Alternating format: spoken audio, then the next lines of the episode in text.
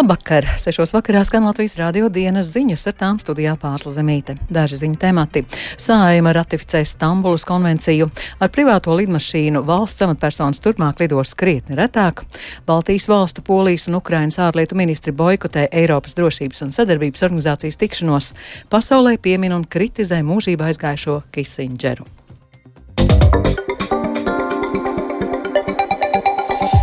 Septiņus gadus kopš parakstīšanas un vairākiem nesekmīgiem mēģinājumiem Latvija šodien pēc vairāk nekā piecu stundu ilgām debatēm ratificējusi Stambulas konvenciju. Tas ir dokuments, kas vēršas pret vardarbību pret sievietēm un pret vardarbību ģimenē. Par debatēs pārspriesto Jāņa Kīņša sagatavotajā ierakstā. Vēl viens rīks vardarbības apkarošanai vai draudz latviskām vērtībām. Par šiem tematiem deputāti debatēja saistībā ar Stambulas konvencijas pieņemšanu. Tā kļuva iespējama līdz ar pašreizējo koalīciju jaunās vienotības, Zaļo zemnieku savienības un progresīvo sastāvā.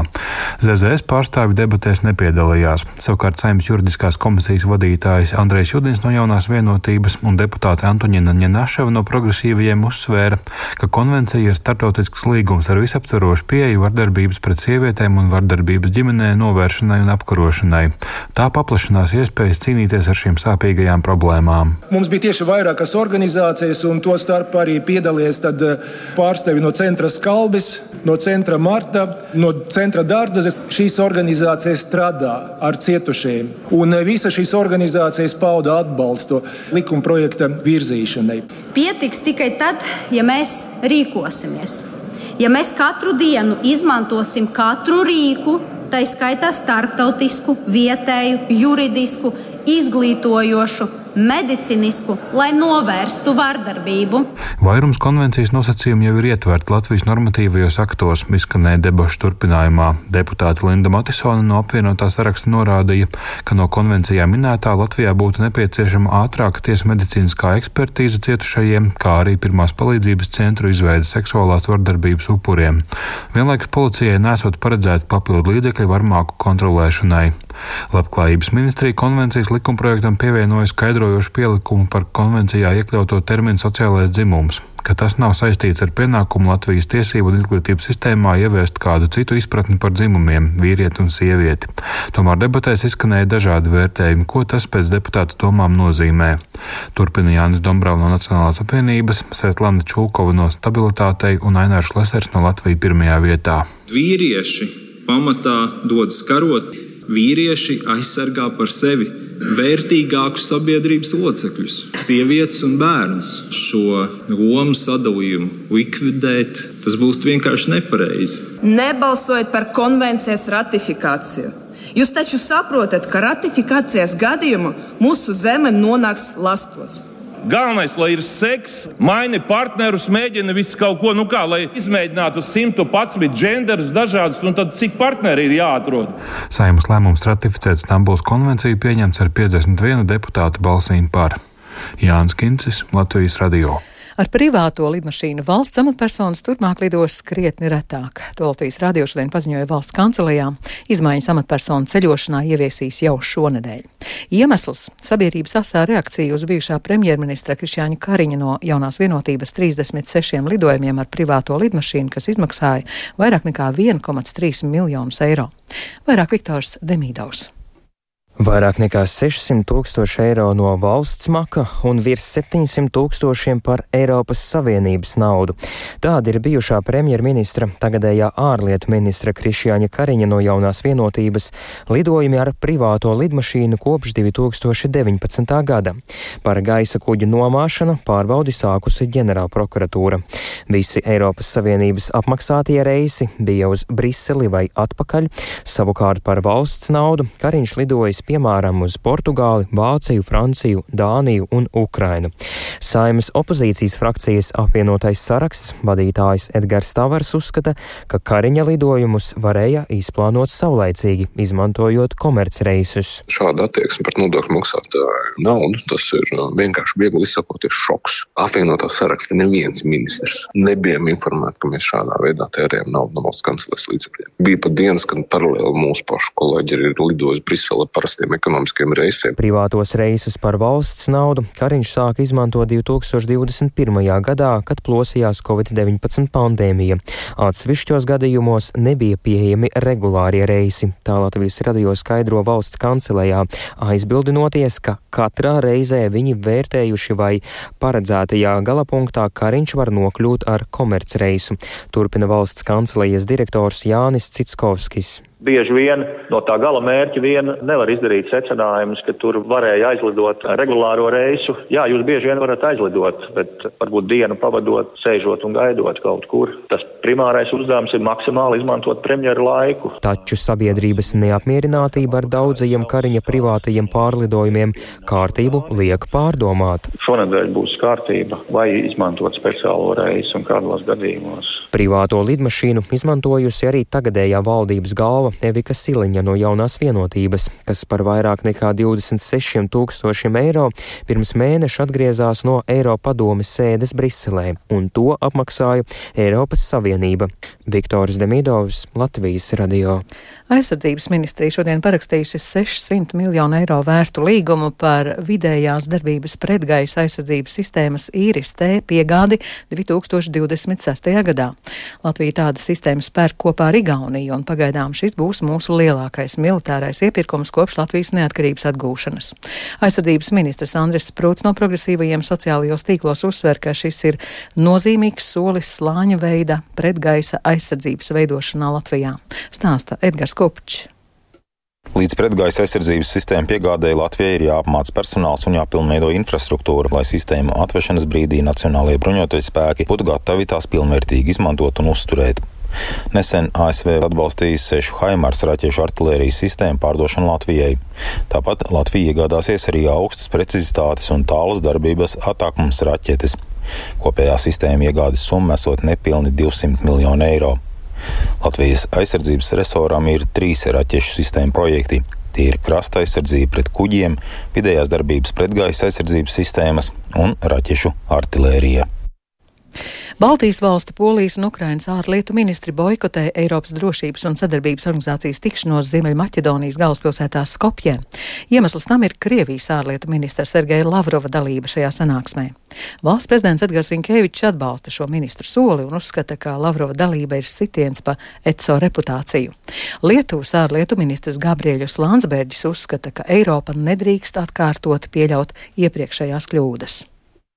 And now, when we're seeing the whole context and we're seeing that Lavrov is being back, is put back at the table. Mēs redzam, ka Lavrovs ir atgriezies pie ECO sarunu galda, un mēs atkal mēģinām nodefinēt Eiropas drošību kopā ar Krieviju.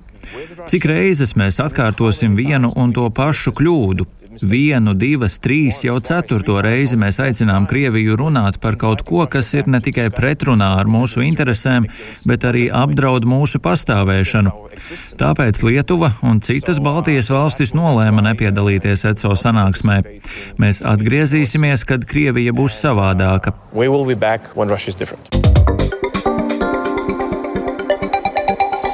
Jeruzalemē šorīt nogalināti vismaz trīs cilvēki. Izraēla uzbrukumā vaino teroristisko grupējumu Hamas. Tikai dažas stundas pirms Izraēla un Hamas paziņoja, ka vēl par vienu dienu ir pagarināta pauze kara darbībā Gazas joslā un ka šodien notikšot kārtējā izrēliešu gūstekņu un palestīniešu ieslodzītu apmaiņa. Turpinot Ķezberis.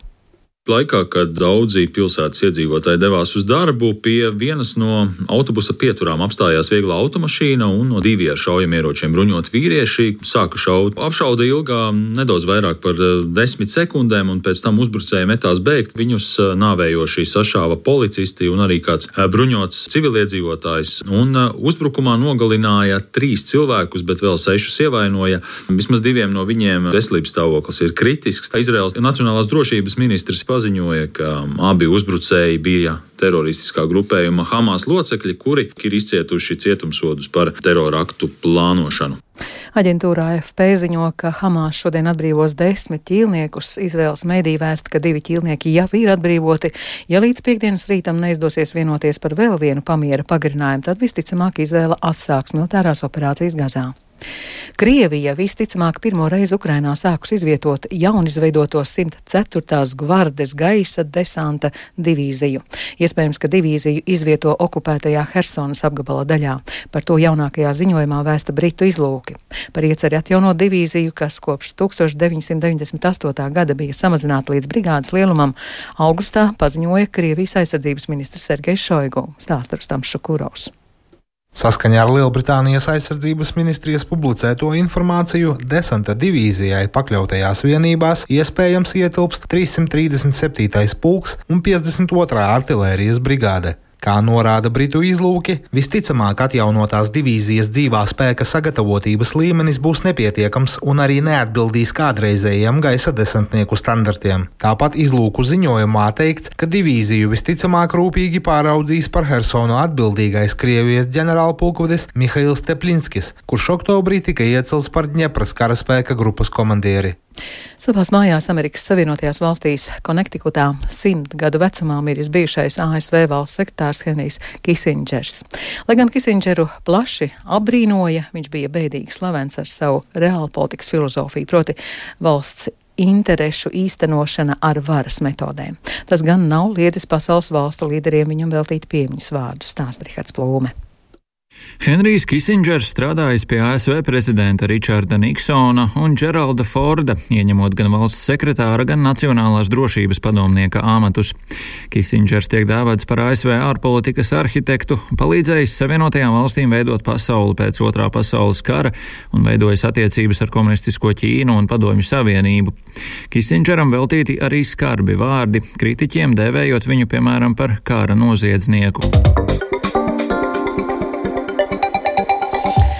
Jaunais Rīgas teātris drīzumā beidzot varēs atgriezties savās mājās Lāčplēša ielā 25. Pēc ilgušās būvniecības teātra kompleksā paveikti aptuveni 95% būvdarbu, tostarp uz ēkas fasādes un iekšpagalmā jau atgriezušies uzraksti Jaunais Rīgas teātris.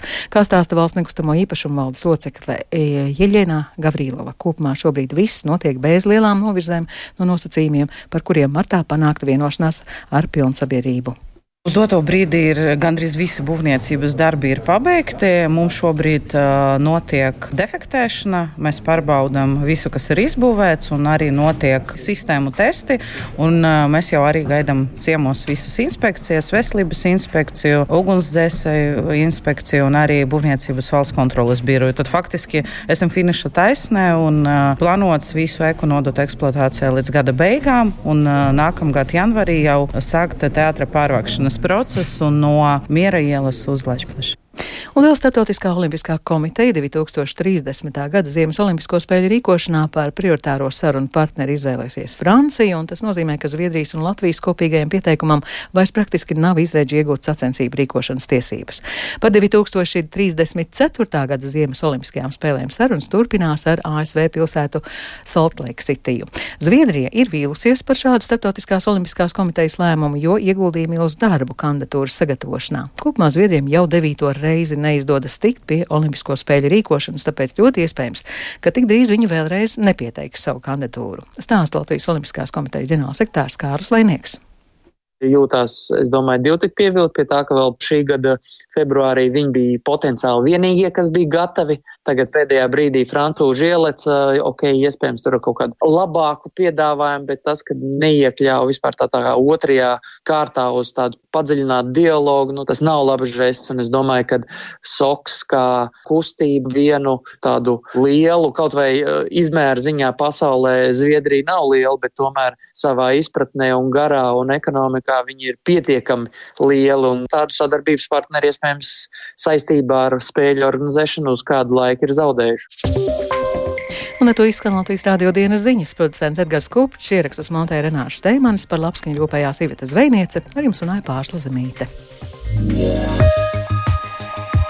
Latvijas vidas geoloģijas un meteoroloģijas centrs informē Rīgā mīnus 4 grādi, dienvidrietumu vējš 3 m2, gaisa spiediens 753 mm, gaisa relatīvais mitrums 93%. Kāds laiks gaidāms turpmāk, prognozēja sinoptiķa Ilza Golubeva. Decembra pirmā diena būs lielākoties mākoņaina. Naktī daudz vietā, bet dienā vietām sniks un atkal stipri. Gaisa temperatūra naktī pazemināsies līdz mīnus 2, mīnus 10 grādiem, bet dienā tā būs 0, mīnus 5 grādu robežās. Nedēļas nogalē gaisa temperatūra turpinās pazemināties un naktas stundās vietām zem skaidrām debesīm termometrs stabiņš noslīdēs pat līdz mīnus 15 grādu atzīmē. Arī dienlaikā gaisa temperatūra būs zem 0 grādiem. Brīžiem debesis skaidrosies, tomēr vietām kāds mākonis atnesīs arī stiprākus nokrišņus.